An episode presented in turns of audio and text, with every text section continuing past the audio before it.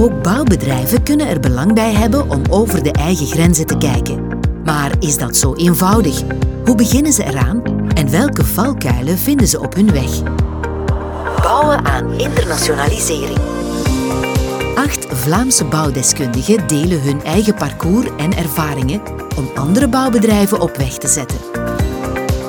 In deze aflevering sprak Gerrit de Guagny met Jeroen Nevelsteen van Iris Industry Solutions.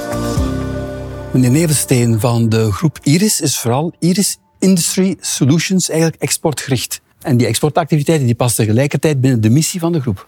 Ja, dat klopt. Dat klopt. Wij hebben binnen um, Industry Solutions hebben wij inderdaad een strategie. En die noemen wij de elite-strategie. Dat is een eliteplan, waarbij wij... Uh, dat is een vijfletterwoord. En elke letter heeft natuurlijk zijn betekenis. Uh, de E staat voor expert. We zijn een expert in hetgeen we doen. We zitten in een nichemarkt. En die expertise willen wij gaan uitdragen naar het buitenland. Maar ook willen we die uh, expertise gaan uitbreiden door in het buitenland te gaan werken. Oké, okay, dat is eigenlijk dubbelom. De L staat voor leiderschap, leader. We zijn in België het grootste bedrijf en we zouden graag internationaal leider willen zijn. We zijn ook, zoals we noemen, een thought leader. We willen graag dat de klant weet dat wij de referentie zijn op het gebied van industriële schilderwerken. En wij kunnen die referentie enkel maar gaan uitbouwen door het ook internationaal te gaan doen. Um, de I staat voor innoveren. Wij, uh, we zijn een innovatief bedrijf. Uh, we stellen onszelf continu in vraag. Maar we gaan ook proberen de innovatie internationaal te gaan proberen op te pikken. En hetgeen wij leren in Nederland, gaan we proberen te hanteren in Frankrijk en andersom, bijvoorbeeld. Dan de T staat voor trust. Een hele belangrijke, want dat is het woordje van de toekomst. De, de klant van de toekomst gaat uh, bestellen bij de partner die hij vertrouwt. En dus die vertrouwensrelatie opbouwen, hopen wij, um, kunnen wij kracht bijzetten door internationaal te gaan werken. En dan E staat voor excellence. We doen de diensten die wij leveren aan onze klant willen natuurlijk zo goed mogelijk leveren. En dus als de klant er ook van overtuigd is, ja, dan kan je op beide oren slapen. En dus met een internationale partner is dat misschien toch nog iets beter. Nu, internationalisering, dat blijft tot nu toe toch relatief beperkt qua geografie. Ja, inderdaad. Uh, wij beperken ons tot de Nederlandse markt, Luxemburg en het noorden van Frankrijk. En dat is puur om, om, om de, de afstand. Het geografisch gebied is eigenlijk nog relatief beperkt, maar toch zijn er, neem ik aan, grote verschillen tussen Nederland, Frankrijk, Luxemburg enzovoort? Inderdaad, inderdaad. En dat maakt het voor ons ook zo rijk en zo aangenaam. Um, de, er zijn heel culturele verschillen. Um, de manier waarop men naar, naar, de, naar de werking in het algemeen kijkt in Nederland is heel wat anders dan in Frankrijk. Frankrijk is eerder behoudsgezind. Nederland is eerder um, uh, naar de toekomst gericht. ja, Luxemburg is dan ook weer een, een, een, een verhaal apart. En dus voor ons, wij zien inderdaad heel verschillende regelgevingen in verschillende landen. Dat klopt, ja. Regelgeving op vlak van, neem ik aan, veiligheid en milieu zijn heel belangrijk voor u. Klopt, klopt. Um, dat is grappig dat je dat zegt op het gebied van milieu. Want wij werken eigenlijk met een gevaarlijk product. Wanneer wij gaan schilderen, dat is een, uh, dat is een gevaarlijk product. En uh, de manier waarop naar, naar gekeken wordt naar dat product is in elk land anders. We zien dat we in Frankrijk heel veel aandacht krijgen voor het werken met loodhoudende verven. En vroeger werd er nog veel gewerkt met loodhoudende verven. Uh, het contact daarmee wordt heel hard bekeken. Wij hebben onze procedures, wij weten hoe we daarmee moeten omgaan. Maar in Nederland kijkt men dan naar gewoon zes. Iets nieuw, maar ook daar weten wij mee om te gaan. En dan in België kijkt men dan naar eventuele asbest die in oude verven zitten.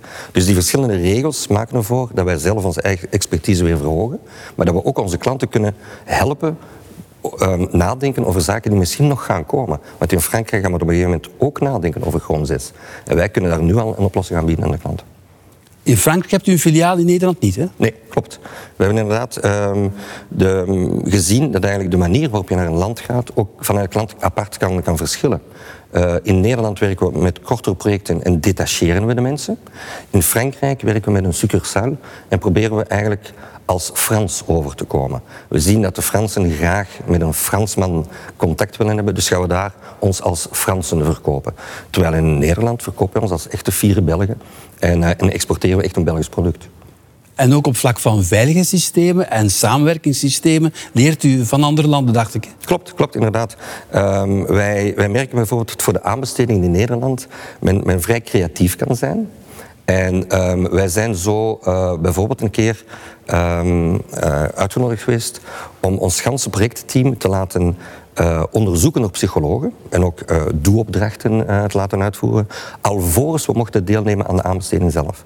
we hebben in Nederland ook vandaag een ketensamenwerking opgestart, waarbij wij Uh, dat is eigenlijk een doorgedreven formule van de bouwteamformule zoals we die in België kennen, maar dat elke partner eigenlijk meer verantwoordelijk is voor zijn gedeelte binnen een gans beleid en eigenlijk een, een, een onderhoud van een ganse site eigenlijk. Um, heel modern, iets wat waarschijnlijk over een paar jaar ook in België zal, zal gebeuren. Ja, en een CO2-prestatielader, waar men nu over spreekt in Vlaanderen, dat heb je al een tijd. Ja, dat klopt. Dat klopt. Wij hebben uh, de selectiecriteria in Nederland kunnen vrij um, streng zijn. Dus wanneer je de Europese aanbesteding wil gaan volgen, dan um, hebben wij gemerkt dat bijvoorbeeld een CO2-prestatiecertificaat, um, MVO, maatschappelijk verantwoord ondernemen, of ook de veiligheidscultuurladder, dat zijn allemaal selectiecriteria die noodzakelijk kunnen zijn om op die markt toegelaten te worden.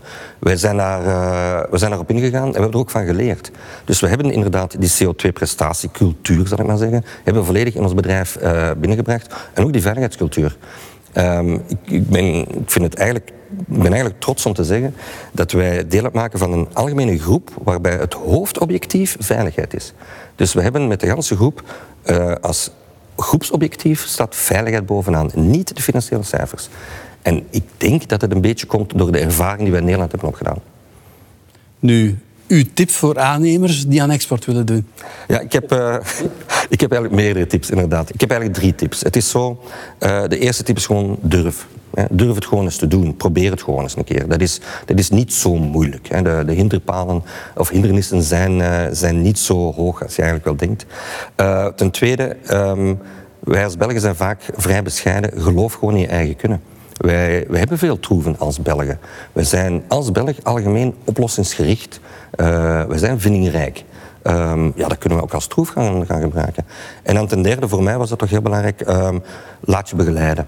Er zijn heel veel instanties die je kunnen helpen daarbij, zoals de Confederatie bijvoorbeeld. Um, en dat zijn experts die weten wat er moet gebeuren. Uh, ze zijn ter beschikking, gebruik ze daarvoor. Ja, meneer Nevensteen, bedankt voor deze tips en voor uw enthousiaste uiteenzetting. En ik hoop dat heel wat aannemers daar wat van kunnen opsteken. Ja, dat hoop ik ook. En het was met veel plezier dat ik kwam getuigen. En ik hoop dat vele aannemers het, uh, het voorbeeld gaan volgen. Want we zijn als Belgen meer waard dan we eigenlijk wel denken. Bouwen aan internationalisering. U luisterde naar een podcast van de Vlaamse Confederatie Bouw met steun van EFRO. Aan internationaliseren is een productie van AV Image in opdracht van de Vlaamse Confederatie Bouw en werd opgenomen in het provinciehuis van Antwerpen. De interviewer was Gerrit de Guagny, de organisatie in handen van Jury van Menen.